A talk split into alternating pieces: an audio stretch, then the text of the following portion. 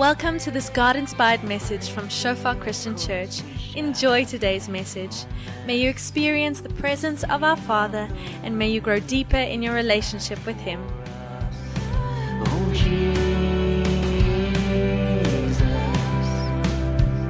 your love overruns. Dankie Vader dat ons as gemeente voor U kan kom, Here. En en kom getuig vanoggend Vader dat ons begeerte, Here,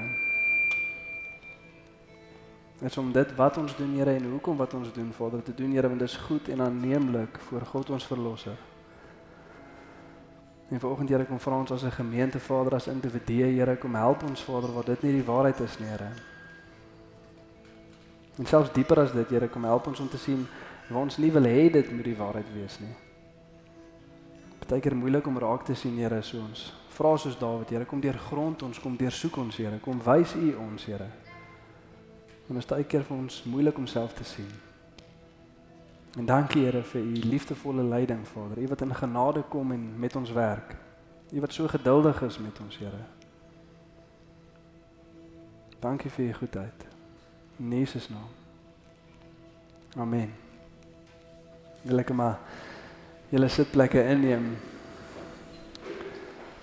Terwyl ek wag vir Hanno in die stel om soos wat hulle dit noem 'n hot swap te doen met Alex. Wil ek net verduidelik julle sal sien hier's twee stoele hier voor soos wat ons gesê het 2 weke terug dat ons vandag 1 Korintiërs 11 vers 2 tot 16 se toepassing bietjie bespreek as 'n gemeente en Hanno is hier om saam bietjie die gesprek te fasiliteer en ook net so half die een kant van die gemeente te verduidelik die frustrasie wat vir tyd beleef het sodat almal van ons 'n lekker holistiek prentjie het van dit wat gebeur, hoe die leierskapspan werk en hoe ons sekere goeders adresseer. So ek gaan sommer oorgee aan Hanu om vir ons af te skop. As hy môre julle, ehm um, vir die wat ek nog nie ontmoet het nie, my naam is Anu, soos wie nou gesê het. Ehm um, ek is een van die leiers in die kerk en ek is gewoonlik in die uh ek wil sê aanddiens, maar Eng Engelse diens.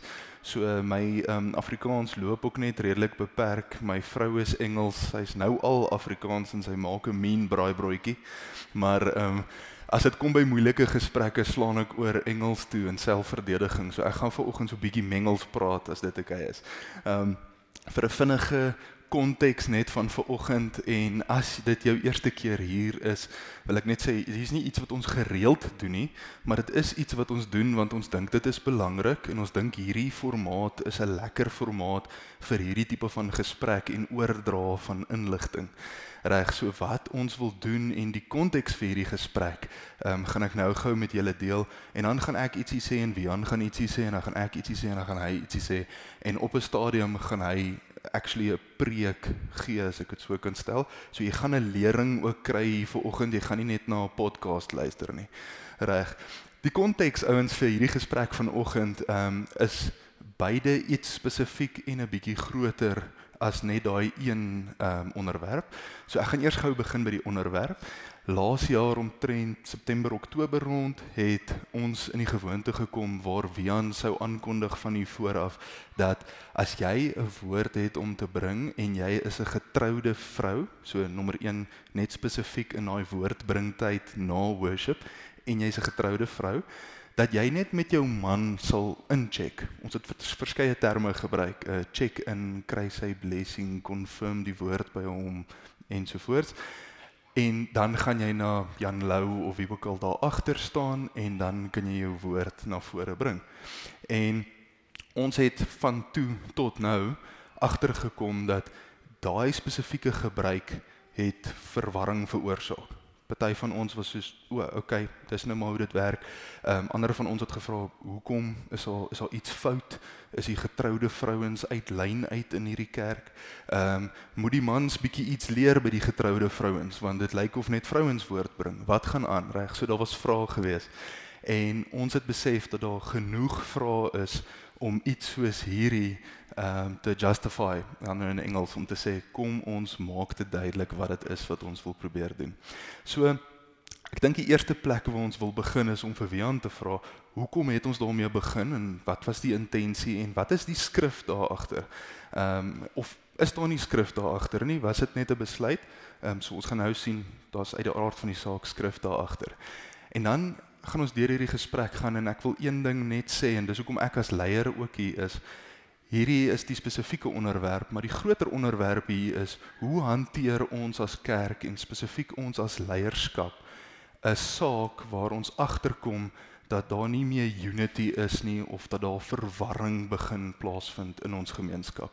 En so hopelik is daar iets van wat julle kan sien ons doen vandag hier, maar ook as julle nou hoor wat ons al gedoen het as leierskap tot op hierdie punt wat vir julle daai vrymoedigheid gee en daai gerusstelling gee wat sê, okay, die die leiers het 'n werk, hulle doen daai werk, hulle probeer en wanneer hulle dit nie reg kry nie, is hulle bereid om hulle hand op te steek en te sê, ouens, ekskuus, ons het dit gemis hierso. Reg, so dis die groter, ek wil sê meer generiese onderwerp wat dan ook onderliggend is aan hierdie gesprek vanoggend. Ehm um, ek gaan nie die hele tyd staan nie. Ek het ek het maar net nou gestaan want dit is hoe ek al my nervous energy uitkry. Ek weet nie wat dit in Afrikaans is nie. Senie-agtige energie. Jesus, dit klink baie seerder. Ehm um, so kom ons begin met hierdie gesprek. Um, ons gaan so 15 minute vat en net so 'n bietjie heen en weer speel voor Wian vir ons lekker gaan vertel waar die doktrine vandaan kom en hoekom ons as kerk iets daaraan wil doen. Hoekom is dit nie maar net een van daai goed soos om jou broer te groet met 'n broederlike soen wat ons net so half sê, "Oef, nee, kom ons kom ons hou hom vir laaste nie." Reg. So Wian, jy kan nou die vloer vat. Kom ons begin by die begin. Wat was jou intensie en ja, net in in 'n in 'n nutshell soos hulle sê, Hoekom het ons daai tyd in Oktober September begin met hierdie gebruik? Dankie Anu. Um, ek het ook net sommer een of ander nervous energy so wat ek dalk by Anu gekry het. Ek weet nie wat dit is nie. Maar net om te verduidelik die agtergrond van dit en soof die die rede hoekom ons hierdie instelling begin doen het by die kerk. Een is 'n beskerming vir ons as gemeente wanneer dit kom by hoe en wie ons laat bedien. En tweedens is ook die kerkkonteks waarin ons groot word en spesifiek as dit kom by die beskerming van vrouens in bediening. En ek weet so half op face value mag dit dalk vir party lyk na die teenoorgestelde afhangende van die kerk agtergrond waaruit jy kom. So ons sit hier so ver oggend en ons het verskillende mense wat kom uit verskillende kerk agtergronde. Amen. Ons kan saamstem rondom dit. Ons het ook party mense wat dalk kom uit geen kerk agtergrond. Jy was by geen kerk of denominasie betrokke nie en soos wat iemand hierso of op 'n manier die evangelie jou bereik het, het jy tot bekering gekom of iemand het jou genooi, die Here te werk gedoen en hierso is jy vandag. Maar van ons kom uit ander kerk agtergronde. Toe ons klein was selfs of dalk selfs toe ons al klaar gered is en groot is. En dit verskil van 'n tradisionele kerk agtergrond waar die spesifieke gebruik van bediening na lofprysing is in dit self 'n bietjie vreemd. Ek weet nie wie van ons kom dalk uit daai agtergrond uit nie, maar die kerk agtergrond waaruit jy kom, niemand anders as die pastoor of die dominee bedien gewoonlik nie. Daar's geen gebruik van hy as jy 'n lidmaat hierso is, kom deel 'n woord. Dis vir jou vreemd net ingeheel toe jy die eerste keer sien iemand anders as die pastoor bedien dalk of sê iets. Wie wie van ons kom uit uit so agtergrond uit? Dis dis nie vir ons dit dit was ietsie nuuts gewees ingeheel en gewoonlik ook uit daai tradisionele kerk agtergrond uit is dit nie net spesifiek nie mense wat kan bedien nie, maar vrouens spesifiek wat glad nie kan bedien nie. Daar is so 'n kerk agtergrond. Dat 'n vrou is glad nie toegelaat om te praat of om te bedien in kerk nie. En nou sien julle hierso by ons ander gebruik en so ons wil graag duidelikheid gee rondom hoekom dit so is. Is dit skriftuurlik? Wat sê die skrif? Hoekom bedien sekere mense en hoekom kan sekere mense bedien? So dis die een agtergrond.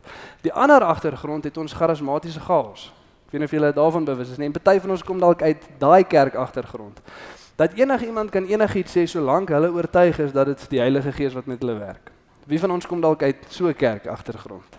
So van ons het dit al gebeleef dat daar's geen ek wil amper nie sê 'n maatstaf of maatreëls of wat ook al nie, maar daar's daar's geen beskerming of orde rondom hoe hierdie geestelike bediening toepas nie. En ons sê ons wil graag een gehoorsaam wees aan die skrif. Ons wil graag goed doen soos wat die skrif vir ons sê ons moet goeders doen. 2 Ons wil die beweging van die gawes van die Gees beskerm en ruimte maak vir dit. Ons wil dit nie net een kant toe sit nie, maar ons wil dit reg gebruik soos wat God wil hê ons moet dit gebruik. En 2 wil ons die gemeente beskerm deur wie en wat gesê word van die vooraf te meet volgens skrif. En dis waar dit vandaan kom. Vir my en Robin hierdie spesifieke stuk skrif het ons al seker so 3 jaar wat ons dit prakties toepas in ons eie huwelik. Bietjie daardeur gedink en wat ek wel agtergekom het dat soos wat ek dit gekommunikeer het en dit wat ons spesifiek wil toepas dat wanneer daar so bediening bedien word spesifiek van 'n vrou se kant af wat getroud is, dat dit nog steeds in die skepingsorde moet gebeur. En ons gaan nou by daai stuk skrif uitkom waar ons dit mooi uitleg. So as jy nie spesifiek verstaan wat ek bedoel nie, moenie worry nie, ons gaan ons gaan nou lekker daardeur praat en daarby uitkom. Maar is iets wat ons lekker verstaan deurwerk en as 'n huwelikspaartjie mooi uitoefen en toe ek dit kommunikeer aan die gemeente, kom ek toe agter soos wat nou die tyd aangaan en soos wat van die leiers met my kom gesels dat die intensie het nie noodwendig mooi geland nie. Dat daar was sekere mense wat dit verkeerd verstaan het. Party ehm um, met toepassings van maar wat as en ons sal by al daai wat as vra ook uitkom. En dit was nie net so vir die gemeente nie, maar ook vir sommige van die mense in die leierskapspan. So miskien kan ek hierso teruggee aan Hanu om bietjie meer van daai inligting in te kleer, meer van die wat as dit te verduidelik wat mense gebeleef het en ook wat ons benadering toe was as leierskapspan en hoe ons van daar tot nou gekom het. Ehm um, so Hanu, as jy vir ons dit net kan inkleer. Ja, en die rede hoekom hoekom Bian nou so 'n bietjie van 'n awkward paas hier vir my gee, is net om ook te sê van my kant as 'n verteenwoordiger van die leiers dat as 'n persoon wat gestaan het in die gemeenskap en in die stoele gesit het soos julle, ehm um, het ek ook 'n ek het dit ook beleef op 'n gegeewe manier. En natuurlik as ons sê daar's verwarring van iets wat van voor af gedeel word, dan moet ons altyd check Eh, is daai verwarring by my as individu of is daai verwarring algeheel betrokke? Is al meer as een mens wat hierdie verwarring beleef het. So om om net gou die standaard te stel van waar ek dit beleef het. Ek het in die stoele gestaan omtrent daar waar ek ver oggend was, die eerste keer toe ek gehoor het Wian sê vrou draai na jou man toe ensovoorts. En die eerste Sondag was dit nie vir my vreemd nie. Ek het gedink, "O, oh, wie aan wie aan doen iets, hy het 'n plan hiermee, miskien gaan dit uitkom in die preek." Dis bietjie anders as wat ons normaalweg doen, maar dis regtig nou nie 'n train smash soos hulle sou sê nie en nie veel daarvan gedink nie. Ehm um, ek het ook natuurlik geweet soos wat ek glo elkeen van julle weet dat daar is die standaard gebruik wat ons sê nommer 1 om 'n woord te mag bring spesifiek in daai oomblik of te prophesy soos die Engels sê, moet jy 'n lidmaat wees van hierdie kerk. So ons weet al klaar dat nie enige iemand kan instap in die mic gryp en vir iemand sê ek spreek X of Y oor jou nie. En nommer 2 dat jy daar agter by Jan Lou of wie ook al daar is dan in die woord vat. So eerste Sondag vir my as 'n lidmaat nie vreemd daarvan gedink nie. Maar toe in die Sondag daarna, toe het ek en my vrou Estel en ons seentjie Alexander wat hier rondkatrol, ek dink hy's nou hier uit. Toe kom ons nou agter maar prakties werk iets nie. Want as ek vir Alexander vat en ons gaan speel hier buite op die gras of ons gaan toddler room toe of waar ook al en Estel was nie in die band gewees nie, het sy dalk 'n woord wat sy wil deel, maar nou's ek hier nie. En en toe's ons nou nie seker Eers maar Jan het nou gesê vrou draai na jou man toe, het hy bedoel daar moet net 'n geestelike eenheid onder ons wees of het hy bedoel jy moet fisies na jou man toe draai want die man is nou nie hier nie. Hy hy speel met die seentjie buite. En ehm um, toe ons besef maar okay, ons is ook leiers in die kerk. So ons wil nie die verkeerde gedrag nou hierso ehm um, tentoonstel of model nie. En Estel het besluit, okay, cool, dan dan gaan ek net niks doen nie. Dit was ons belewenis geweest. Nou daai was 'n vorm van verwarring wat ons toe beleef het en toe ons bietjie gesels, ons het ek dink een of twee keer daaroor gepraat in ons selgroep en met van die mense hier. Toe kom ons agter daar's vir ander mense ook 'n mate van verwarring. Jy sit dalk hier vanoggend en jy dink, "Wat? Dit my nie confused nie. Ek het dit verstaan, dit het sin gemaak is fyn." So ek wil net vinnig vra, ek wil net pyl met wie praat ek en met wie praat ek nie as jy 'n mate van verwarring beleef het, uh of dalk steeds het, miskien het jy nie, maar as jy het, sal jy omgee net vinnig jou hand op te steek. OK, so ek mors nie meeste van julle se tyd nie. OK, fantasties. Ehm um, so ja, so dis vir ons was. En ek dink wat ek dan kan bysê, wat het van toe af gebeur? Reg. So aan die einde van laas jaar het ons kerkkamp gehad en dit was baie lekker. En dan gewoonlik net so week of twee na kerkkamp het ons ook 'n leaders breakaway of 'n leierskamp. En dan kom ons as leiers saam. Laas jaar was ons ook daar ehm um, kamp Genesaret, dis die plek se naam. En ons het toe gesê ons moet praat oor hierdie ding want ons kom agter dit land nie met almal nie maar met al die agendapunte wat daar was en die hoeveelheid praatwerk wat daar was tussen 'n ou soos myself en Wian het ons nie by daai agendapunt uitgekom nie. En ons het toe gesê okay kom ons gaan nou vakansie na die vakansie sal ons terugkom en ons sal kyk waar dit land. Na die vakansie hierdie jaar het ons besef dit is steeds iets wat so bietjie krap onderliggend en ons moet dit aanspreek. En die ding wat ons toe besef het as leiers toe ons bymekaar kom uh daai maandag aand om hierdie ding te bespreek is dat die rede hoekom dit ons so bietjie vang is omdat dit en ek weet nie wat se Afrikaans hier voor die uh, maar die Engels is non-core doctrine is. Dis nie een van die doktrines wat ons bespreek by Encounter 1 byvoorbeeld nie. En so met non-core doctrine het jy 'n keuse oor hoe jy dit wil uitleef in praktyk. Ek vereenvoudig dit dalk nou so 'n bietjie en wie aan gaan nou daaraan raak. Maar daar's 'n paar van hierdie goed wat ons sien in die Bybel en die werk van die Christen en van die persoon wat lief is vir Jesus wat sy Bybel optel en wat daai doktrine raak lees is om te sê wat is die beginsel wat God aan my probeer kommunikeer hier en hoe leef ek daai beginsel vandag uit binne my konteks en binne my kultuur. Nou dit kan baie debatte jy weet opwek as 'n mens nou wil, maar wat ons ten minste ooreenkom as leiers is dat jy kan nie jou Bybel toemaak en sê hierdie is moeilik, ek sien seker nie, kom ons ignoreer dit. Reg. So dit is nie die regte manier om met non-core doktrine te deel nie. Maar dit verduidelik ook hoekom nie een van ons dadelik opgespring het en gesê, "Hey, Wian, wow wow wow, stop dit dadelik. Moenie dit sê nie." Want daar is vir ons spasie om dit uit te leef soos wat ons dit wil uitleef. So In kort, ons as leiers het bymekaar gekom. Ons het hierdie identifiseer. Ehm um, terloops, ek dink is belangrik om te sê onder die leierskapsgroep as ons praat van die doktrine wat hier betrokke is en Wian gaan dit nou uitpak. Ek gaan nie dit aan aan ja, probeer doen nie. Het ons gesê daar's 100% belyning en unity oor die feit dat die doktrine bestaan en dat ons hom reg interpreteer onder mekaar. So ons stry nie met mekaar as leierskap oor die feit dat daar 'n doktrine is of dat ons iets daaraan moet doen nie. Waar ons nie kon land op 'n praktiese iets, 'n beweging, 'n gebruik wat ons wil kommunikeer aan die kerk nie, is presies op daai ding van hoe leef ons dit uit?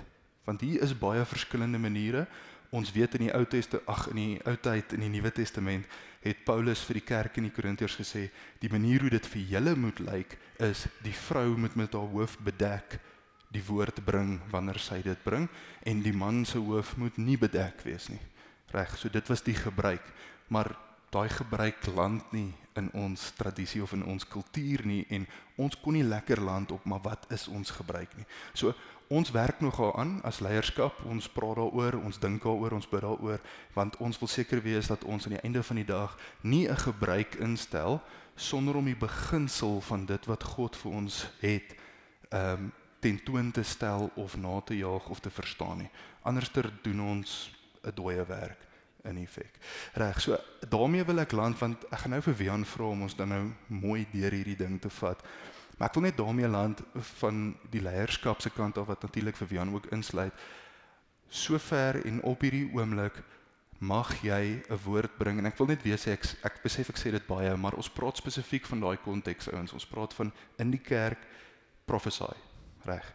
Jy mag 'n woord bring in hierdie kerk op die volgende manier. Nommer 1, jy moet 'n lidmaat wees. As jy nie 'n lidmaat is nie, gaan ons nie vir jou die mikrofoon gee nie. Reg. As jy 'n lidmaat is, is daar 'n kans Nommer 2, jy gaan jou woord daar agter, dis gewoonlik Jan Lou wat daar is, na Jan Lou, Jan Lou toe vat en met hom deel en hy gaan vir jou sê, gaan gerus vorentoe of wag 'n bietjie hier.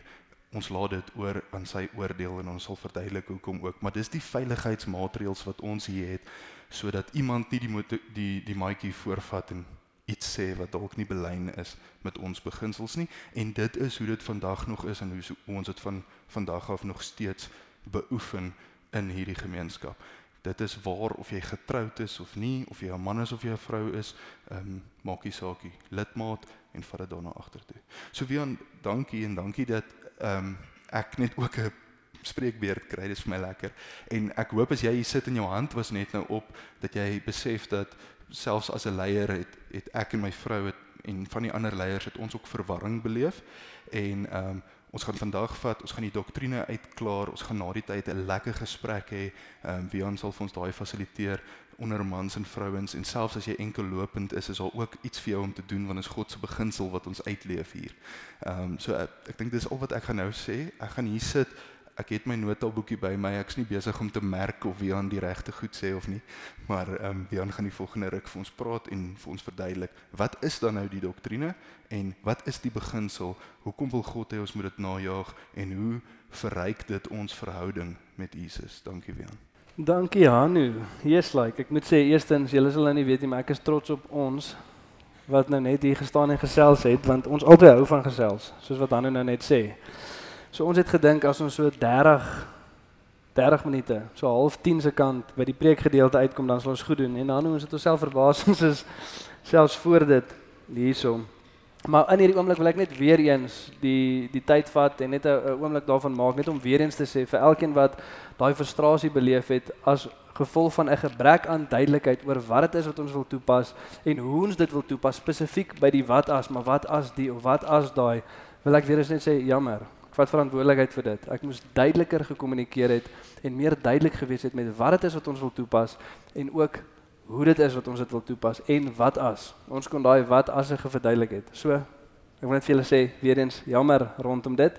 En om dit reg te stel, gaan ons nou daai duidelikheid bring. Lekker hierdie stuk skrifwerk. Kyk wat dit is wat hierdie stuk skrif vir ons leer. Soos wat dan ook gesê het, dit is 'n dit is nie 'n kerndoktrin dit is nie die evangelie nie maar dit is 'n uitleef van die evangelie wat God graag wil hê ons moet uitleef in ons huwelike en wanneer ons by die kerk kom en ook soos wat dan nog gesê het soos wat ons as leiers lekker saamgesels oor hoe ons hierdie ding lekker kan bewoord of lekker kan illustreer in die in die toekoms wanneer ons dit sê van voor af hy julle hierdie is wat God van ons wil hê en hierdie is wat hy wil hê ons moet doen dat dan minder verwarring is en meer duidelikheid en 'n paar van die wat as 'n ook inkleer. En weer eens help ons daarso vir wanneer ons dit weer gaan kommunikeer in die toekoms, soos wat ons sê ons gaan probeer werk aan 'n ding wat mooi land en wat mooi duidelik is, maar ons mag dit dalk nog steeds verkeerd kry. Of daar mag nog steeds nie genoeg duidelikheid wees nie of daar mag nog steeds dalk 'n wat as is. En wanneer dit gebeur, kom ons doen dieselfde as wat ons nou gedoen het. Kom ons gesels met mekaar, gesels met die leiers sodat ons lekker duidelikheid kan gee aan hierdie ding en God se woord mooi kan uitleef. Amen. Kyk, kom ek bid vir ons en dan spring ons in hierdie stuk skrif in. Ja Here, dankie Vader dat ons vanoggend by mekaar kan kom. Dankie Here vir eenheid Here in die in die kerk Vader. Dankie Here vir u goedheid Vader en dankie vir u woord Vader. En ek kom bid vanoggend Here en kom sê vir u dankie Vader vir ja, gemeenskap hier in 'n gemeente Vader wat volwasse is Vader in manier hoe ons goeders benader Vader en ook hoe ons u skrif benader Here. En met dit Vader wil ek ook vra Here om ons te kom help Here soos wat ons deur hierdie stukke skrifte werk Vader. En lig Vader van ook die kultuur en die konteks om ons Vader wat direk Here teen hierdie Here iets anders wil kom doen en ons iets anders wil kom leer Vader help ons as kerk Vader om die grondslag van waarheid te wees en die waarheid mooi op te lig Vader en mooi te illustreer. Dankie Here vir u goedheid Vader. Dankie Jesus vir u perfekte voorbeeld. Dankie Vader vir u perfekte wil. En dankie Heilige Gees vir u teenwoordigheid. Dat u hier is, Here, in harte werk in Jesus naam. Amen. OK, so die stuk skrif waarna ons gaan kyk vanoggend van julle mag dit ook nou al lekker deurgewerk het intussen soos wat jy miskien soos wat dan nou sê daai verwarring beleef het om te gaan kyk spesifiek wat hierso aangaan. Ons kyk vanoggend na 1 Korintiërs 11 van vers 2 tot 16. Dis 15 verse, dis 'n groter stuk skrif as wat ons gewoonlik deurwerk, maar daar is baie herhaling in hierdie skrif waar Paulus op dieselfde goeters fokus en so half op 'n ander manier sê. So ons gaan probeer lekker vinnig daardeur werk sodat ons nog steeds nie terwyl die Engelse mense inkom nog steeds hierso sit en besig wees nie, maar sodat ons lekker duidelik kan wees rondom die hart van dit. En weer eens soos wat Hanno sê, maar maar hoe affekteer dit ons verhouding met mekaar en met God?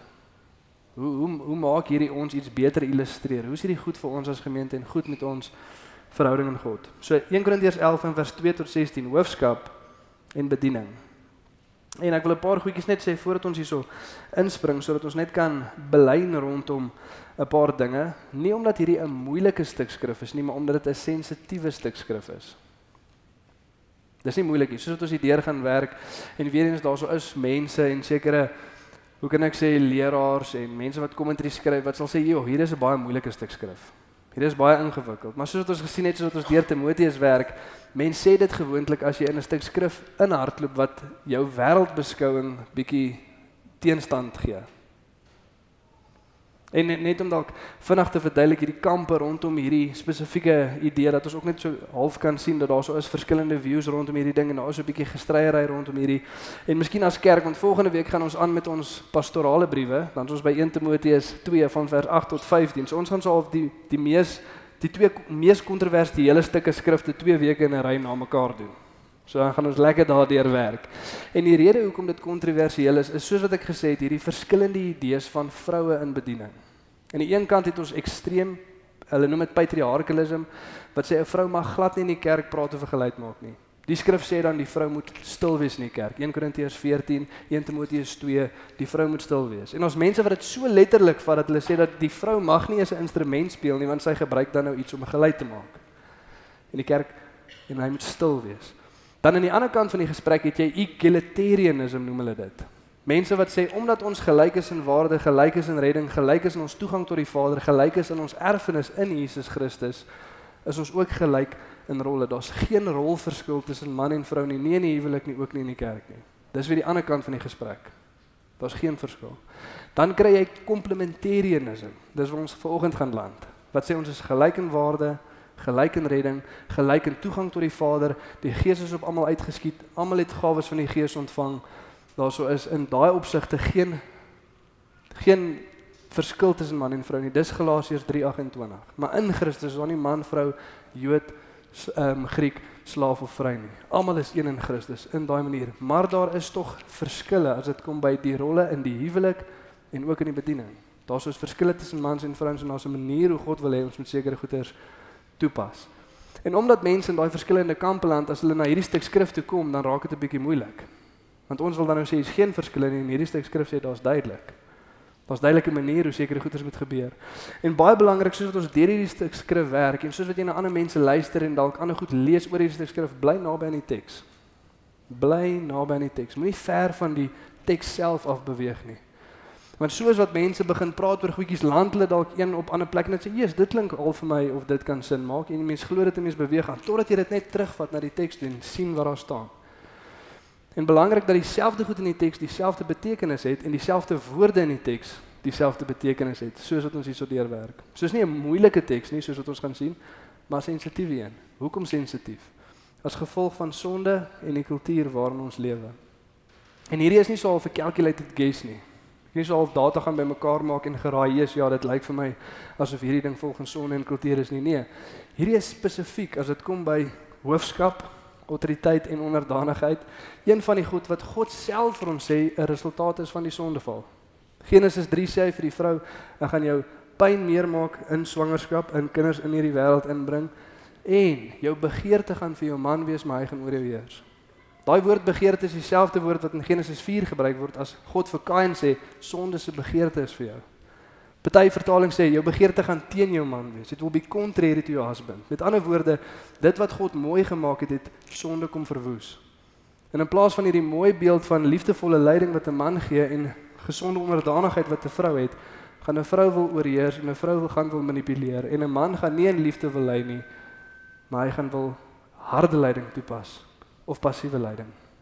En nie net sien ons dit in Genesis 3 nie, maar elke liewe keer as die Nuwe Testamentiese skrywers praat oor die werk wat die evangelie wil kom doen in die huwelik, dan lig dit hierdie twee goed uit.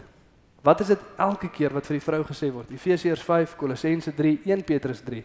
Vrouens, wees aan julle mans onderdanig. In Efesiërs 5 in alle dinge. Ook 'n prinsipie om te verstaan. Al was 1 Korintiërs 11 nie daar nie, sou dieselfde toepassing nog steeds gesond gewees het volgens die res van die skrif. Kolossense 3: Vrouens, wees aan julle mans onderdanig. 1 Petrus 3: Vrouens, wees aan julle mans onderdanig. Al gehoorsaam party van hulle nie die woord nie. Dis een van die wat as vrae. Ons gaan later daarby kom. Maar wat as my man nie gered is nie? Wat as my man nie geestelik lei nie? Ons gaan daarby kom. Maar elke keer is die ding wat aangespreek word deur die evangelie onderdanigheid. Kom ons kom terug by hoe God ons oorspronklik gemaak het en ons gaan nou daarna kyk. En vir die man Wat is elke keer die ding wat die skrif aanspreek as dit kom by die man? Mans lê hulle lewe vir hulle vrouens neer soos wat Jesus dit vir die kerk neergelê het. Liefdevolle leiding. Lei jou vrou in liefde.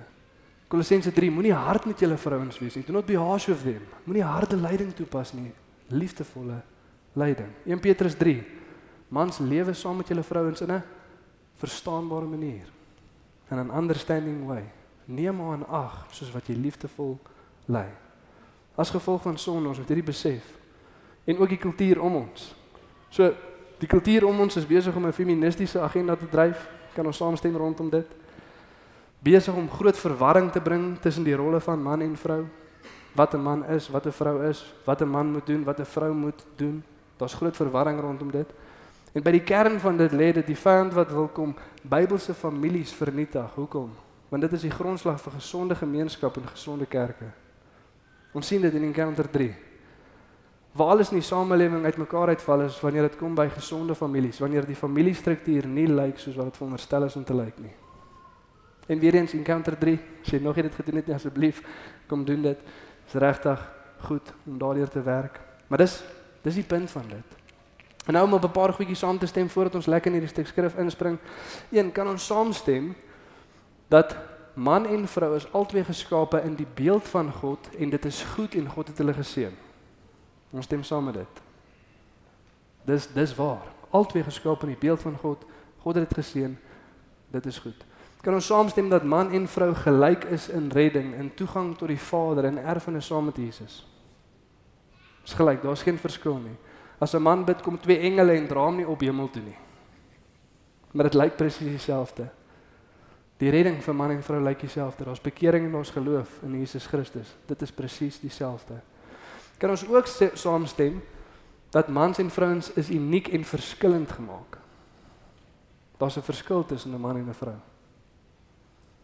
Ons funksioneer verskillend. En kan ons dan ook saamstem dat wanneer God sê dat daar so 'n verskil en 'n verskil in rol en party mense wat seker goed kan doen of nie kan doen nie, dat dit niks te doen het met waarde, dit niks te doen het met redding en dit niks te doen het met ons toegang tot die Vader of ons erfenis in Jesus Christus nie. Dit niks daarmee te doen nie. Dis nie die gesprek nie. En kan ons ook saamstem dat wanneer ook al ons dink dat iemand meer of minder waarde het oor wat hulle mag of nie mag doen nie, is dit 'n evangelie probleem. Die probleem daar is nie noodwendig die toepassing nie, maar ons identiteit in Jesus. Ons kry nie ons identiteit in wie ons is as seuns en dogters van God nie, maar in dit wat ons kan doen. Ons verstaan dit. Kan ons ook saamstem dat dit as dit kom by autoriteit en onderdanigheid dat dit 'n Godgegewe ding is. God het dit ingestel.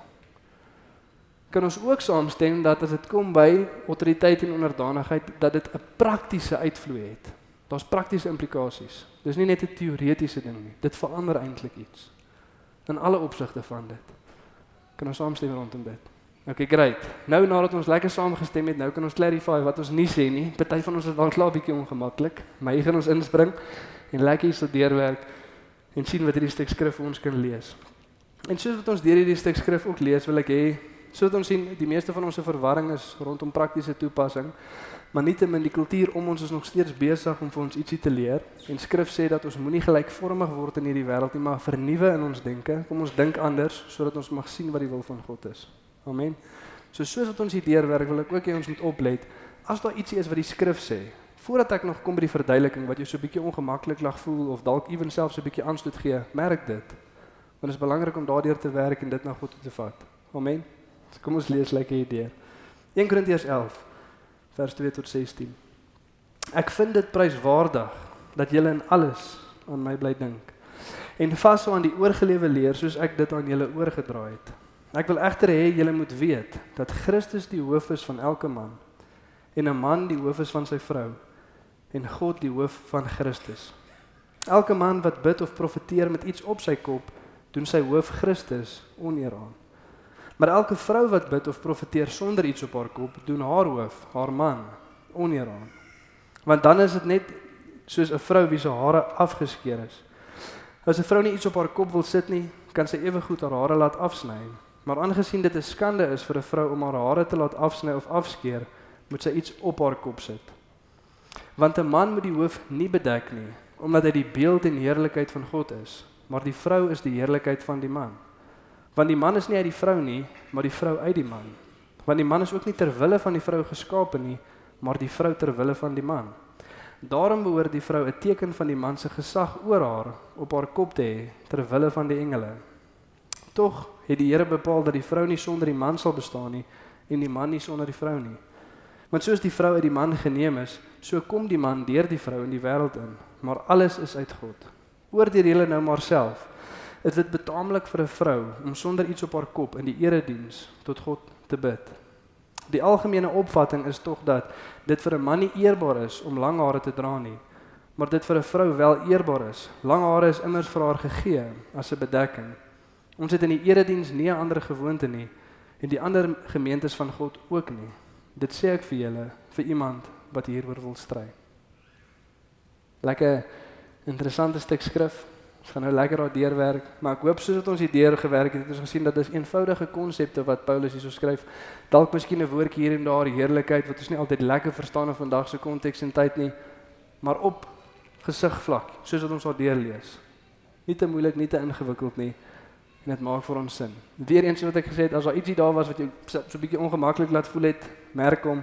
Is belangrik dat ons dit na God toe vat en lekker daardeur gaan werk. En weer eens soos wat ons deur hierdie stuk skrif werk, moet ons die konteks in ag neem. Bly naby aan die teks, soos wat ek gesê het. Die konteks hierso, want baie mense sal deur hierdie werk en hulle sal hulle land 'n uh, uh, wat wat is ehm wat is beskaafdheid? Is dit beskaafdheid? Beskaafdheidsprinsip ingeheel vir vrouens in die wêreld. Hierdie stuk skrif praat oor ons wat in die erediens is en ons wat bid en profeteer. Amen. Dis die konteks. Ons moet hierby bly. Ons kan nie weg van dit af beweeg en hierdie waarheid wil toepas in ander dele van die lewe nie. Hierso wil God hê spesifiek wanneer ons bymekaar kom en wanneer daar so gebid en kom ek oversimplify dalk bid en profeteer net sodat ons dit kan verstaan. Maar bid wanneer ons voor die gemeente tot God bid en vir die gemeente bid. Hierdie teks neem aan iemand staan hier voor of iewers wat sigbaar is en spreek die gemeente aan. Of dit is om vir die gemeente te bid of vir die gemeente iets te sê, hier is die konteks. So of ons bid voor die gemeente tot God of ons praat met mense oor God. Dis wat hierdie stuk skrif sê. Dit moet op hierdie manier gebeur. Ons kan dit nie wegvat van daai konteks af nie. Amen.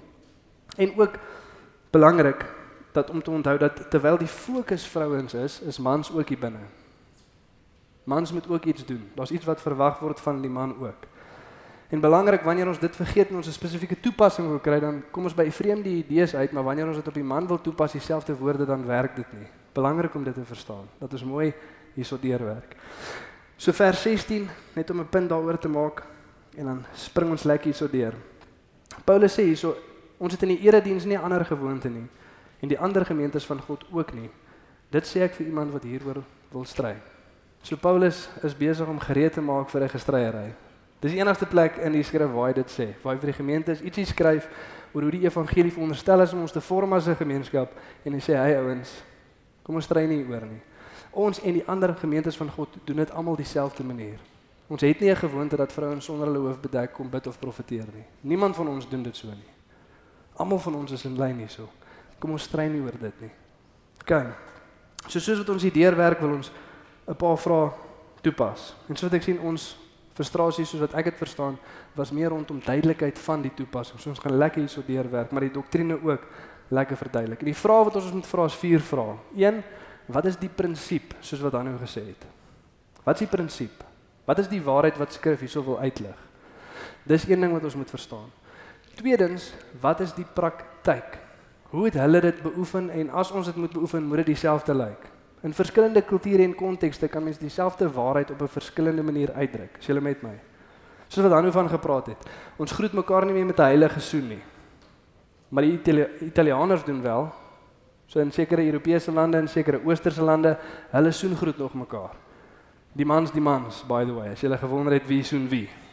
In Suid-Afrika, as jy die regte man soen, mag dit dalk nie 'n issue wees nie, maar as jy die verkeerde man soen, mag dit dalk sleg uitdraai. Is jy met my? En weer eens in daai geval is daar 'n prinsip en daar's 'n praktyk. En wanneer dit kom by hierdie goedjies, nie elke praktyk in skrif kan ons oordra van die daar en dan na die hier en nou nie. Maar elke praktyk in skrif het 'n prinsip wat ons nie net kan nie, maar moet oordra van die daar en dan tot die hier en nou. Om te dink dat God enige kultuur gevra het om iets te doen want dis hoe die kultuur te doen en is nie skriftuurlik nie, is letterlik teen skrif. Moenie gelykvormig word in hierdie wêreld nie maar word vernuwe in jou denke. Ons doen nie net goed want die kultuur doen dit nie. Maar wanneer daar 'n Bybelse prinsipes wat ons mooi kan illustreer in 'n sekere kulturele manier, doen dit so. Dis wat Paulus sê. So ons groet nie meer mekaar met 'n heilige soen nie. Wat is die prinsip daarso? Appropriate affection. Heilig, appropriate soen affection. 'n Handdruk of soos wat ons in kerk sal doen, 'n side hug. Miskien maar so kantdrukkies. So dieselfde prinsip ander praktyk. Ons verstaan dit. Dat daar's 'n verskil tussen prinsip en praktyk. Dan wat ons onsself wil vra is, was dit net vir daar en dan of is dit ook vir die hier en nou? En as dit is vir die hier en nou, hoe sal dit lyk? Wat is dit wat skryf hulle ons moet doen? En soos ons sê in ons spesifieke kultuur is dit 'n bietjie moeilik om dit uit te lig op 'n manier wat almal dit kan verstaan in elke moontlike scenario. By hulle was dit maklik. Sit 'n ding op jou kop en almal verstaan wat jy besig is om te sê. OK, met dit in gedagte kom ons kyk na hierdie stuk skrif en kyk wat ons kan leer. Vers 2 en 3. Paulus sê: "Ek vind dit pryswaardig dat julle in alles aan my bly dink en vashou aan die oorgelewerde leer soos ek dit aan julle oorgedra het. Ek wil egter hê julle moet weet Christus is die hoof van elke man en 'n man die hoof van sy vrou en God die hoof van Christus." So Paulus sê hierso, ouens, julle het nie te veel doctrinal probleme nie as dit kom by die gesonde leer, doktrines en goedjies. Deur die boek van 1 Korintiërs spreek hy dit min aan, maar wel by die toepassing van dit. En hy sê ek vind dit pryswaardig. Ek gee julle eer dat julle my onthou in al hierdie goedjies. Hoekom? Want hulle het vir Paulus 'n brief geskryf en gesê luister die Paulus, hier seker goed wat ons nie lekker verstaan nie, seker goed wat ons nie weet hoe om toe te pas nie. Help ons. Dis wat hy sê. Julle sukkel met 'n seker goedjies, maar julle figure dit nie self uit of maak maar net soos wat die wêreld maak nie. Julle vra vir my, "Hey, hoe is dit veronderstel om te lyk?" Dis 'n goeie ding. En in lig van hierdie ding wat julle vir my oor geskryf het, hoe dit lyk as ons bymekaar kom in die rolle tussen mans en vrouens, want in daai tyd het ons dieselfde probleme as vandag gehad. So wat maak Driscoll sal sê, ons lewe in nuwe tye maar is ou demone same same but different different, né? Nee? Nuwe tye, ou demone, die probleme is dieselfde. En hulle skryf vir Paulus hieroor en Paulus sê hiersoos wat ek wil hê julle moet weet. Ek wil egter hê julle moet weet. Hier is wat julle moet weet. Hierdie is die prinsip dat Christus die hoof is van elke man. Dit praat nie van 'n man net 'n man nie, praat van mens in geheel. Christus die hoof van almal. Gered en ongered. Elke knie sal buig, elke tong sal bely dat Jesus Christus koning is. Elke tong. Spesifiek in 'n funksionerende manier in die kerk. Hy is die hoof van die kerk en die kerk is sy liggaam. Hy oefen autoriteit uit oor sy liggaam en ons moet onsself onderdanig maak aan sy leiding. En die man is die hoof van sy vrou. Enkelvoud. Nie die mans is in geheel hoof van elke vrou nie. Dis wat baie mense sê wat Lydia lees en dan pas hulle dit ook so toe. Nee, 'n man is die hoof van sy vrou. 'n Vrou moet onderdanig wees aan haar eie man, nie aan mans in geheel nie. Dit verstaan ons ook. En God die hoof van Christus.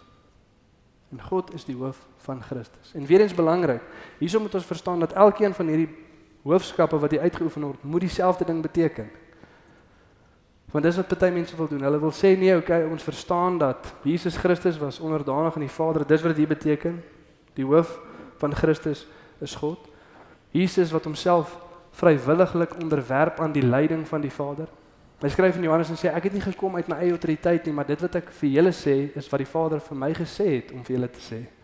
En dit wat ek doen is wat die Vader vir my gesê het om te doen. Lukas 22 vers 42 vers wat ons almal goed ken, voordat Jesus gekruisig word, sê hy wat? Here, as daar enige manier is hoe die beker by my verby kan gaan asseblief, nietemin, nie my wil nie, maar U wil geskied.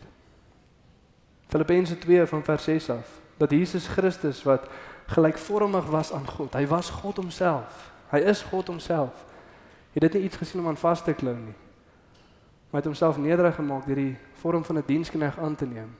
En in menslike vorm gevind was, het homself nog verder nederig gemaak tot gehoorsaamheid tot die dood selfs dood aan die kruis. God die Vader is die hoof van Christus. Jesus maak homself doelbewus en vrywilliglik onderdanig aan die wil van die Vader en deur dit is verlossing moontlik. Amen. En ons verstaan dat dis dieselfde betekenis as ons kyk na Christus as die hoof van elke man. Sonder dat ons onsself vrywilliglik onderwerp aan die leiding van Jesus, is daai redding nie toegepas in ons lewens nie. Dis 'n evangelie ding wat hierso wil geïllustreer word. sien julle dit? Sonder daai onderwerping aan die Vader se wil is redding nie moontlik nie. Verloon jouself, tel jou kruis op. volg my. Galasiërs 5:14 Die liefde van Christus dring ons omdat ons tot die besef gekom het dat een gesterf het, daarom het almal gesterf, sodat die wat lewe nie meer vir hulle self lewe nie, maar vir hom. Dis die evangelie prinsip. So as dit dit beteken en as Christus die as God die hoof is van Christus en dit beteken dit as Christus die hoof is van elke man, moet dit dieselfde betekenis hê dat 'n man die hoof is van sy vrou. Ons kan nie daai middelsteen wegvat of ons kan nie laat dit iets anders beteken nie. Die man is die een wat autoriteit uitoefen en die vrou is die een wat haarself onderdanig maak, vrywilliglik aan daai autoriteit. Wat is die verskil tussen onderdanigheid en gehoorsaamheid? 'n Hartsposisie. Jy kan gehoorsaam wees sonder om onderdanig te wees. Met ander woorde, jy wil nie. Jy wil dit nie eintlik doen nie. So kinders is geroep om gehoorsaam te wees nou, of jy nou wil of nie. Jy doen dit. 'n Vrou is geroep om haarself vrywilliglik onderdanig te maak, vrywilliglik te onderwerp aan die leiding van ander, maar die uitvloei is nog steeds gehoorsaamheid. Maar die posisie is 'n hartsposisie. Dit kan nie iets anders beteken nie. En sonder dit word die evangelie nie uitgebeeld nie. Christus en God maak die evangelie moontlik. Ons onderdanigheid aan Jesus pas daai evangelie toe in ons lewens. En 'n man en 'n vrou wat hoofskap en onderdanigheid uitoefen, illustreer die evangelie vir die wêreld. Dis wat Paulus sê in Efesiërs 5. Hierdie gaan oor Jesus in die kerk. Ek wil julle moet dit verstaan, nietemin laat 'n vrou haar man respekteer en laat 'n man sy vrou lief hê. Hierdie is wat ons besig is om uit te beeld. Die evangelie, die skepingsorde vir die mense om ons. En weer eens, dieselfde wat ons hierso sien, dit het niks te doen met waarde nie. Die feit dat Jesus homself onderdanig maak aan die Vader, maak hom nie minder God nie. Die feit dat Jesus sê as die Heilige Gees kom, gaan hy nie op sy eie autoriteit praat nie, maar dit wat hy by ons sien en hoor gaan hy vir julle sê, maak hom nie minder God nie. Daar's ons orde in die drie enige God. Daar's autoriteit en daar's onderdanigheid, maar al drie bly God. En so is dit dieselfde in die kerk en dieselfde in die huwelik. Hierdie is die prinsip. Nou die vraag is, hoe het hulle dit toegepas? Vers 4 en 5. Elke man wat bid of profeteer met iets op sy kop, doen sy hoof Christus oneer aan. Maar elke vrou wat bid of profeteer sonder iets op haar kop, doen haar hoof, haar man oneer aan. Want dan is dit net soos 'n vrou wie se hare afgeskeer is. Hierdie is die praktyk. En soos ons sien in daai konteks het hierdie praktyk 'n duidelike boodskap gestuur. Almal het besef as die vrou voorkom staan en ons gaan nou sien in vers 6 dat dit iets wat sy vrywillig doen. Die man sit nie die ding op haar kop nie, sy sit hom op. Dis iets wat die vrou vrywilliglik doen. Sy bedek haar hoof en wanneer sy voorkom staan en bid of wanneer sy voorkom staan in 'n woorddruk, stuur dit 'n duidelike boodskap vir die mense dat hierdie vrou doen so en sy respekteer haar man en sy's onderdanig aan haar man. En een van die goeie wat ek vanoggend vir ons moet sê, ons kultuur het dit so kom verwrong dat dit selfs soos 'n slegte ding klink. Maar dis 'n mooi ding. Dis iets wat beskerm. Besef dit dat wanneer my vrou hier voor staan en bedien, staan sy met groot vrymoedigheid. En wanneer iemand 'n probleem het met wat sy sê, dan moet hulle na my toe kom. Want ek het vir haar gesê, "Gaan my liefie." Ek is die beskermer. Ek is die hoof. Ek bedek haar. Dis wat sy illustreer. Dis 'n veilige ding. Dis 'n mooi ding. Om dit op 'n ander manier te illustreer dat Eva eet eerste van die son die boom, maar God roep eerste vir Adam. Hoekom? Hy is ontdekking. Hy is die hoof. Hy moet verantwoordelikheid vat. Al het Eva eers geëet, hy word primêr verantwoordelik gehou. Deur die sonde van een man het sonde in die wêreld ingekom. Hoekom Eva dan eers geëet? Want hy is verantwoordelik. Dis nie 'n lelike ding nie, dis 'n mooi ding. Dis 'n ding wat beskerm. Dis 'n ding wat eer, dis 'n ding wat vrymoedigheid gee. Kan ons dit sien vanoggend? En so ook Eva het sy eerste Sondag is haar sonde net van toepassing op ander vrouens. Met die kern van wie 'n vrou is in swangerskap gaan ek jou pyn vermeerder. Eva se arm se sonde is van toepassing op julle mensdom. En ons almal is nou vervalle in sonde as gevolg van Adam. Kan ons dit sien dat dit 'n mooi en beskermende ding is? Tweedens die ding wat ons nie hier kan mis nie is dat die mans ook hier so is. Daar's iets wat verwag word van die man ook en dis wat? Om nie met jou hoof bedek te bid of te profeteer nie. In ander woorde, mans lei. Hou op passief wees lei. Een van die grootste probleme wat ons sien in die kerk vandag is passiewe mans wat nie weet om geestelik te lei nie. Die skrif sê mans lei. Lei jou vrou in liefde. Doen wat jy veronderstel is om te doen. Lei. En vrouens wees onderdanig aan daai leiding. En weer eens hierso moet ek sê ek verstaan die frustrasie. Ek kan dit net indink. Die frustrasie om die minste te sê van 'n vrou wat sit met 'n man wat passief is. Wat nie weet om in liefde te lei nie of meer so nie bereidwillig is om in liefde te lei nie. Ek kan ek kan dink dis frustrerend. Ek kan dink dis nie lekker nie. En net so verstaan ek die frustrasie van mans wat in liefde hulle vrouens probeer lei maar ons geen respek nie en geen onderdanigheid nie. Ek kan verstaan dis moeilik. En hieso is iets wat ons as enkel lopendes vanoggend moet leer. Kies jou man en jou vrou versigtig. Want dit gaan moeilik wees. En die manier hoe hierdie uitgebeeld word, doen skade aan mekaar. Dit bring oneer aan mekaar as ons nie soos wat God wil hê ons moet leiding toepas, onderdanigheid toepas nie. Dit is nie 'n maklike ding nie, dis 'n moeilike ding. Kies mooi. Kies mooi. Maar hierdie is wat ons wil hê moet doen. En al is dit moeilik as die man nie lei nie en al is dit moeilik as die vrou nie respek het of onderdanig het nie, dis nie hoekom God vir ons vra om dit te doen nie. Hy sê nie mans lei as jou vrou onderdanig is nie. Hy sê nie vrou wees onderdanig as jou man in liefde lei nie. Nee, maar oordat Jesus is wie hy is. Roep hy ons om te doen wat ons geroep is om te doen. Amen. En omdat hy bly wie hy is, kan ons altyd doen wat hy ons geroep het om te doen. Dis wat ons doen die dag as ons trou, vir die wat dit nie weet nie. Dis wat beloftes beteken. Dis wat verbondsverhouding beteken.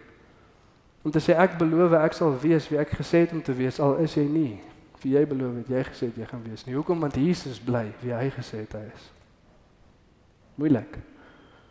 Maar moontlik. Omdat Jesus is wie hy gesê het hy is.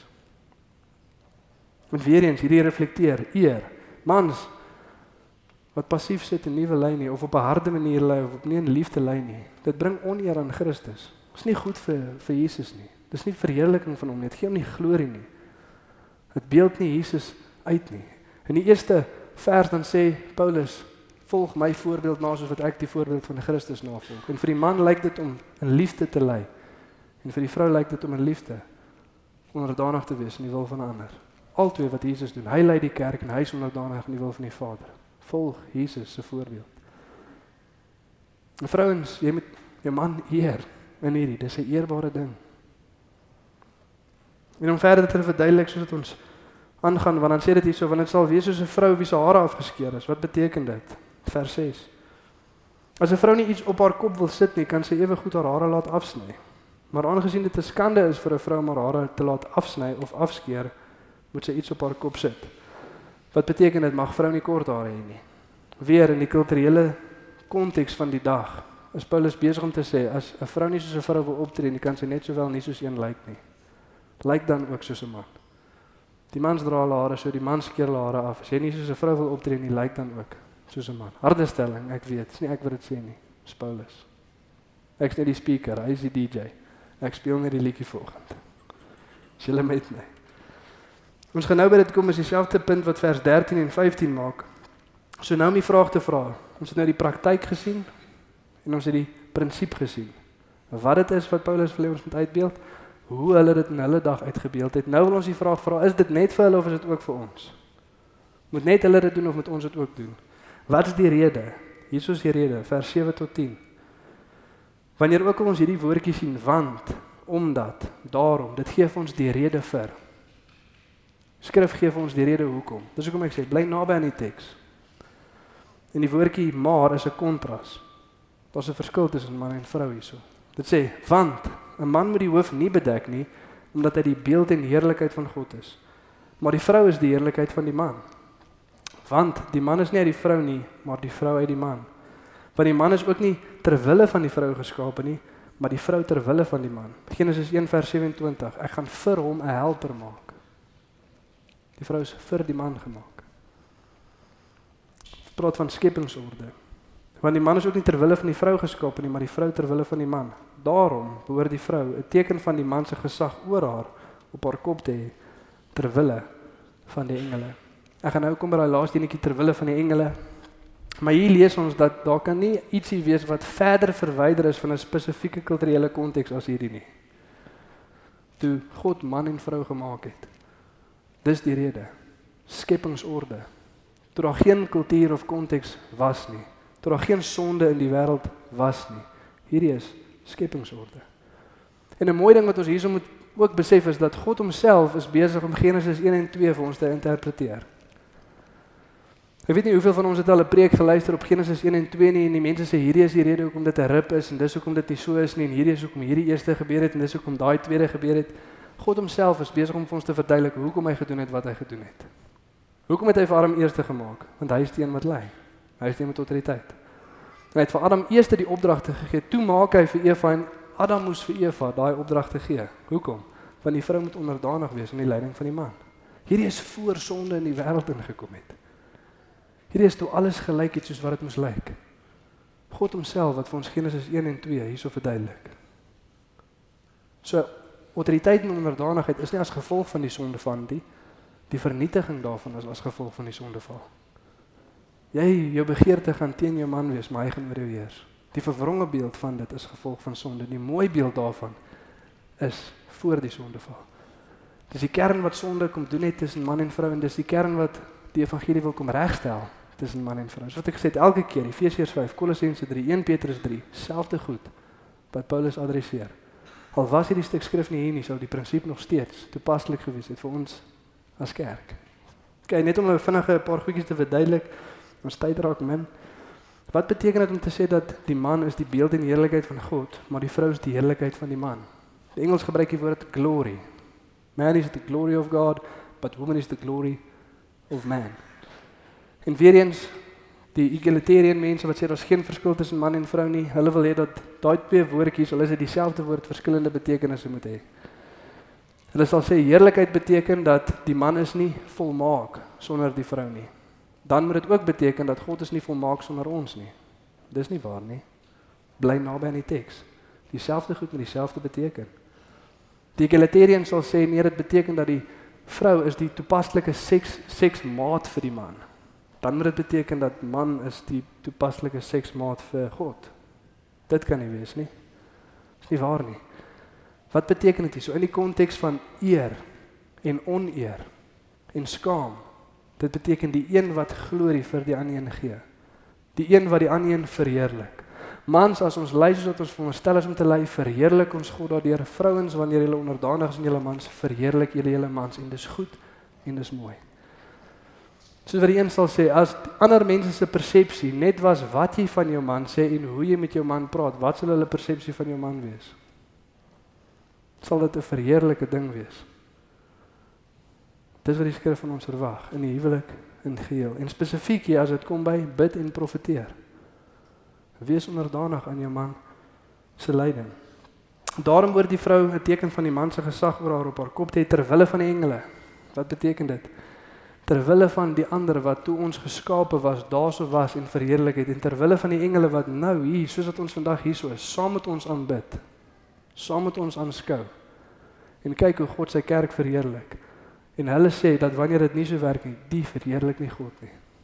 Dis nie hoe God dit gemaak het nie. Hierdie is nie skepingsorde nie. Ouens kom in lyn. Kom ons aanbid God soos wat hy wil hê ons moet. Amen. Dan gaan die skrif van net voordat ons dink, okay, maar beteken dit nou mans is beter as vrouens? Beteken dit mans kort nie vrouens nie? Skryf Paulus in vers 11 tot 12. Tog het die Here bepaal dat die vrou nie sonder die man sal bestaan nie en die man nie sonder die vrou nie.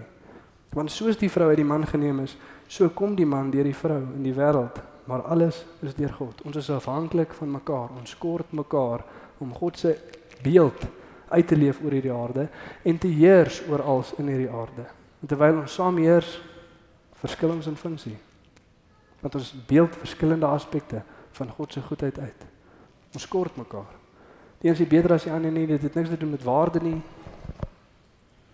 Dis net hoe God ons gemaak het. Vers 13 tot 15, dan maak ons klaar na raak ons bietjie prakties. Oordeel julle nou maar self. En weer eens, hier is dit belangrik om te verstaan. Ek het al na mense gekyk wat sê dat die kern hier is eintlik Paulus wat in vers 13 sê oordeel julle maar self. Julle kan self besluit. Dis Paulus wat so half moed opgee. Hy het uit energie uitgehardloop. Hy sê ag ouens, ek's nou moeg hier oor gestry, besluit jy maar self. Dis nie wat hy doen nie.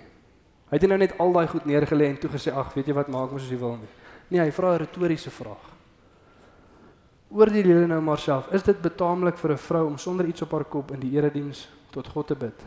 Die algemene opvatting is tog, die engel sê, does not nature itself teach you Die algemene opvatting is tog dat vir 'n man nie eerbaar is om lang hare te dra nie. As jy lang hare het, kom praat met my. Weerens se kulturele dings gaan nou daarby kom. Maar dit vir 'n vrou wel eerbaar is. Lang hare is immer vir haar gegee as 'n bedekking. En wat Paulus hierso sê is oordeel vir jouself, weet ons nie dat dit is goed vir 'n vrou om te lyk soos 'n vrou en op te tree soos 'n vrou nie.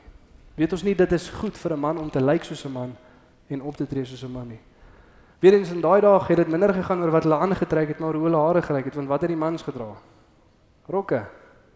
Almal het rokke gedra. Ek seker die vrouens was bietjie mooier as die mans in. Bietjie mooier opgepas dalk 'n paar minder gate. Maar nietemin dit was oor die hare en hoe mense lyk. As jy van agter af loop en kyk, kan jy sien wie se man en wie se vrou oor die manier hoe hulle hare lyk. En Paulus sê ons dit is goed vir 'n man om te lyk soos 'n man en op te tree soos 'n man en ons dit is goed vir 'n vrou om te lyk soos 'n vrou en op te tree soos 'n vrou. So vandag se tyd jy mag lang hare dra as jy 'n man het. Want dis nie ons kenmerkende faktor van wat 'n man of 'n vrou is nie. So hierso sien ons wat Paulus wil doen en wat hy wil toepas. So sien dis universeel die toepassing. Die prinsip is dat daar's hoofskap in alle fasette van lewe. Christus is die hoof van die kerk, 'n man is die hoof van sy vrou, God is die hoof van Christus. Hy wil hê ons moet dit toepas dat dit vir hulle so gelyk het lyk dalk vir ons anders, maar ons moet die prinsip deurtrek want dit maak skepingsorde geheel. En ons moet dit nie net doen op 'n manier wat ons besef nie, maar 'n manier wat dit illustreer vir die mense om ons. Hierdie is mooi hoe God ons gemaak het. Dis eerbaar vir God en dis goed vir ons. Dis die fondasie van gesonde kerke en gesonde gemeenskappe. Wanneer mans lei in liefde en wanneer vrouens vrywilliglik hulle self onderdanig maak aan daai leiding beeld dit iets moois van God se goedheid uit. Amen. Nou om by 'n paar vrae te kom wat ons gehad het. Ons gaan nou op die einde ook hier voorlees as julle nog enige vrae het. So wat ek sê is baie verse. Ons werk nogal vinnig deur dit vanoggend. Maar nou vir 'n paar goedjies net om te clarify. Een as dit kom by onderdanigheid en autoriteit. Wat beteken dit prakties? So wat ons sê dit moet 'n praktiese uitvloei hê. Dit kan nie net 'n teoretiese ding wees nie. Een ding wat ons weet dat Paulus wou nie hê dat vrouens iets moes illustreer wat binne hulle innerlik nie eintlik die geval is nie. Nê? Nee? So onderdanigheid en autoriteit. So die een vraag wat ons wil vra is as dit kom by autoriteit en onderdanigheid, wanneer die vrou wil bedien, wanneer sy iets wil sê, wanneer sy wil kom bid hiervoor of 'n voordeel, mag haar man sê nee. Ja, hy mag. Hy mag sê nee. Dis hoe autoriteit werk. God die Vader sê vir Jesus wat hy moet doen. Jesus sê vir ons wat ons moet doen. Die man kan vir die vrou daarop sigtig sê ja of nee.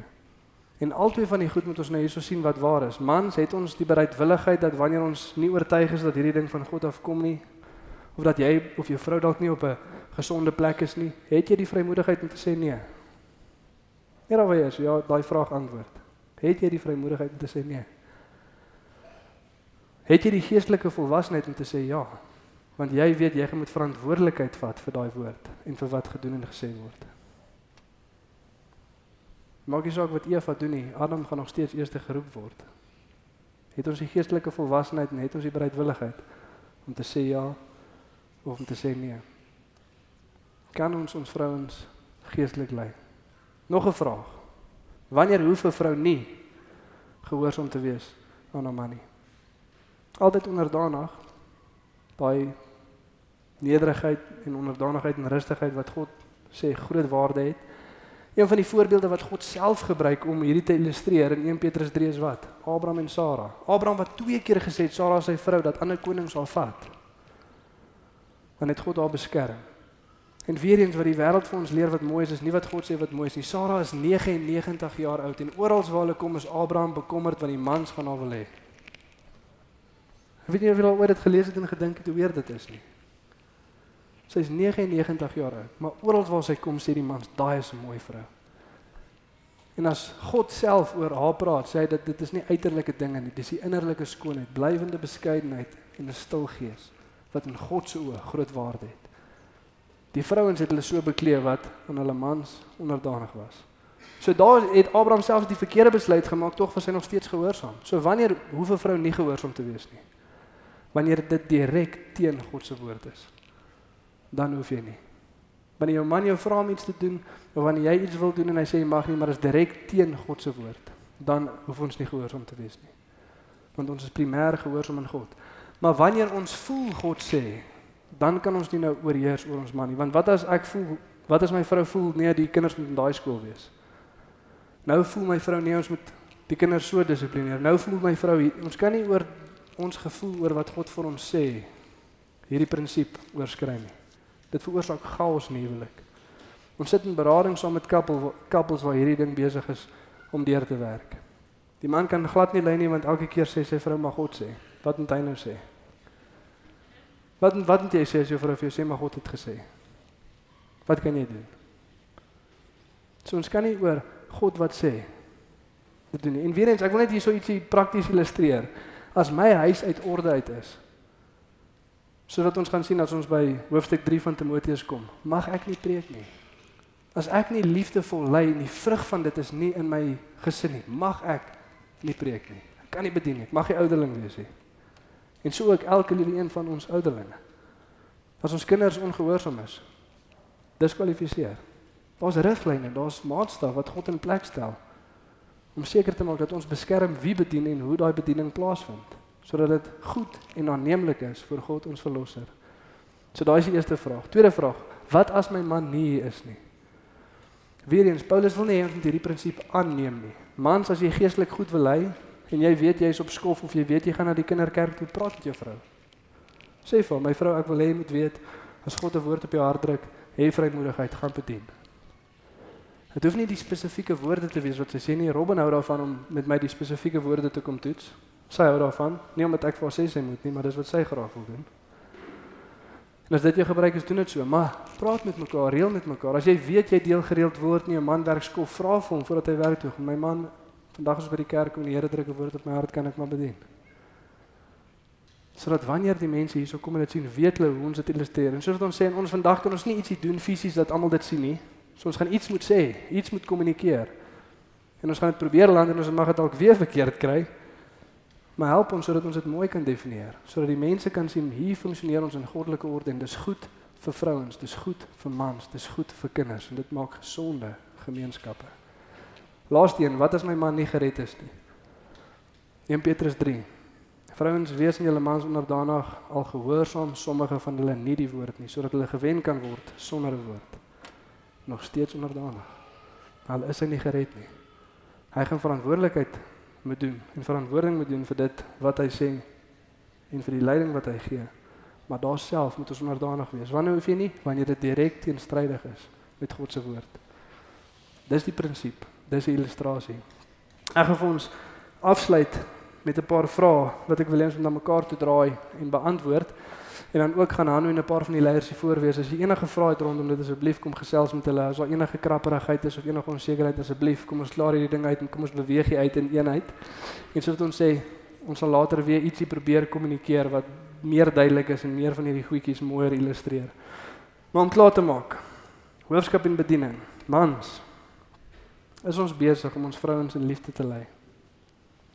En weer eens, ek wil nie ons moet dit vanoggend aanneem nie. As jy getroud is, draai na jou vrou te vra. En dit is baie keer nie lekker om alles te hoor nie. Sit, wees geduldig, laat sy deel. Skrif sê lewe saam met jou vrou in 'n verstaanbare manier. Die kultuur leer vir ons maar wie kan 'n vrou verstaan? Want ons wil nie die moeite doen nie. Skrif sê ons die een wat wil. Die een wat sy vrou wil verstaan, hy sal. Maar laat jou vrou vir jou verduidelik. Vrouens, is ons besig om gewillig onderdanig te wees aan ons mans. Moet dit net aanneem nie. Draai na jou man toe. Laat hy jou antwoord ongemaklike gesprekke. Ons het beraders. Ek weet daar mag dalk 'n paar dinge geontlok word deur hierdie tipe goedjies. Maar nietemin, kom ons draai na mekaar toe. Enkeles vanoggend, mans, is jy in geheel besig om jouself goed te lei. As jy nie jouself lei nie, hoe gaan iemand anders lei? As dit kom by geestelike groei. Vrouens wat enkellopend is, maak jouself konstant onderdanig aan God. Onderdanig aan die leiding van die Gees. Want daai toepassing gaan eendag net so oorvloei in jou huwelik in. So kom ons draai na mekaar toe en kom ons bespreek dit.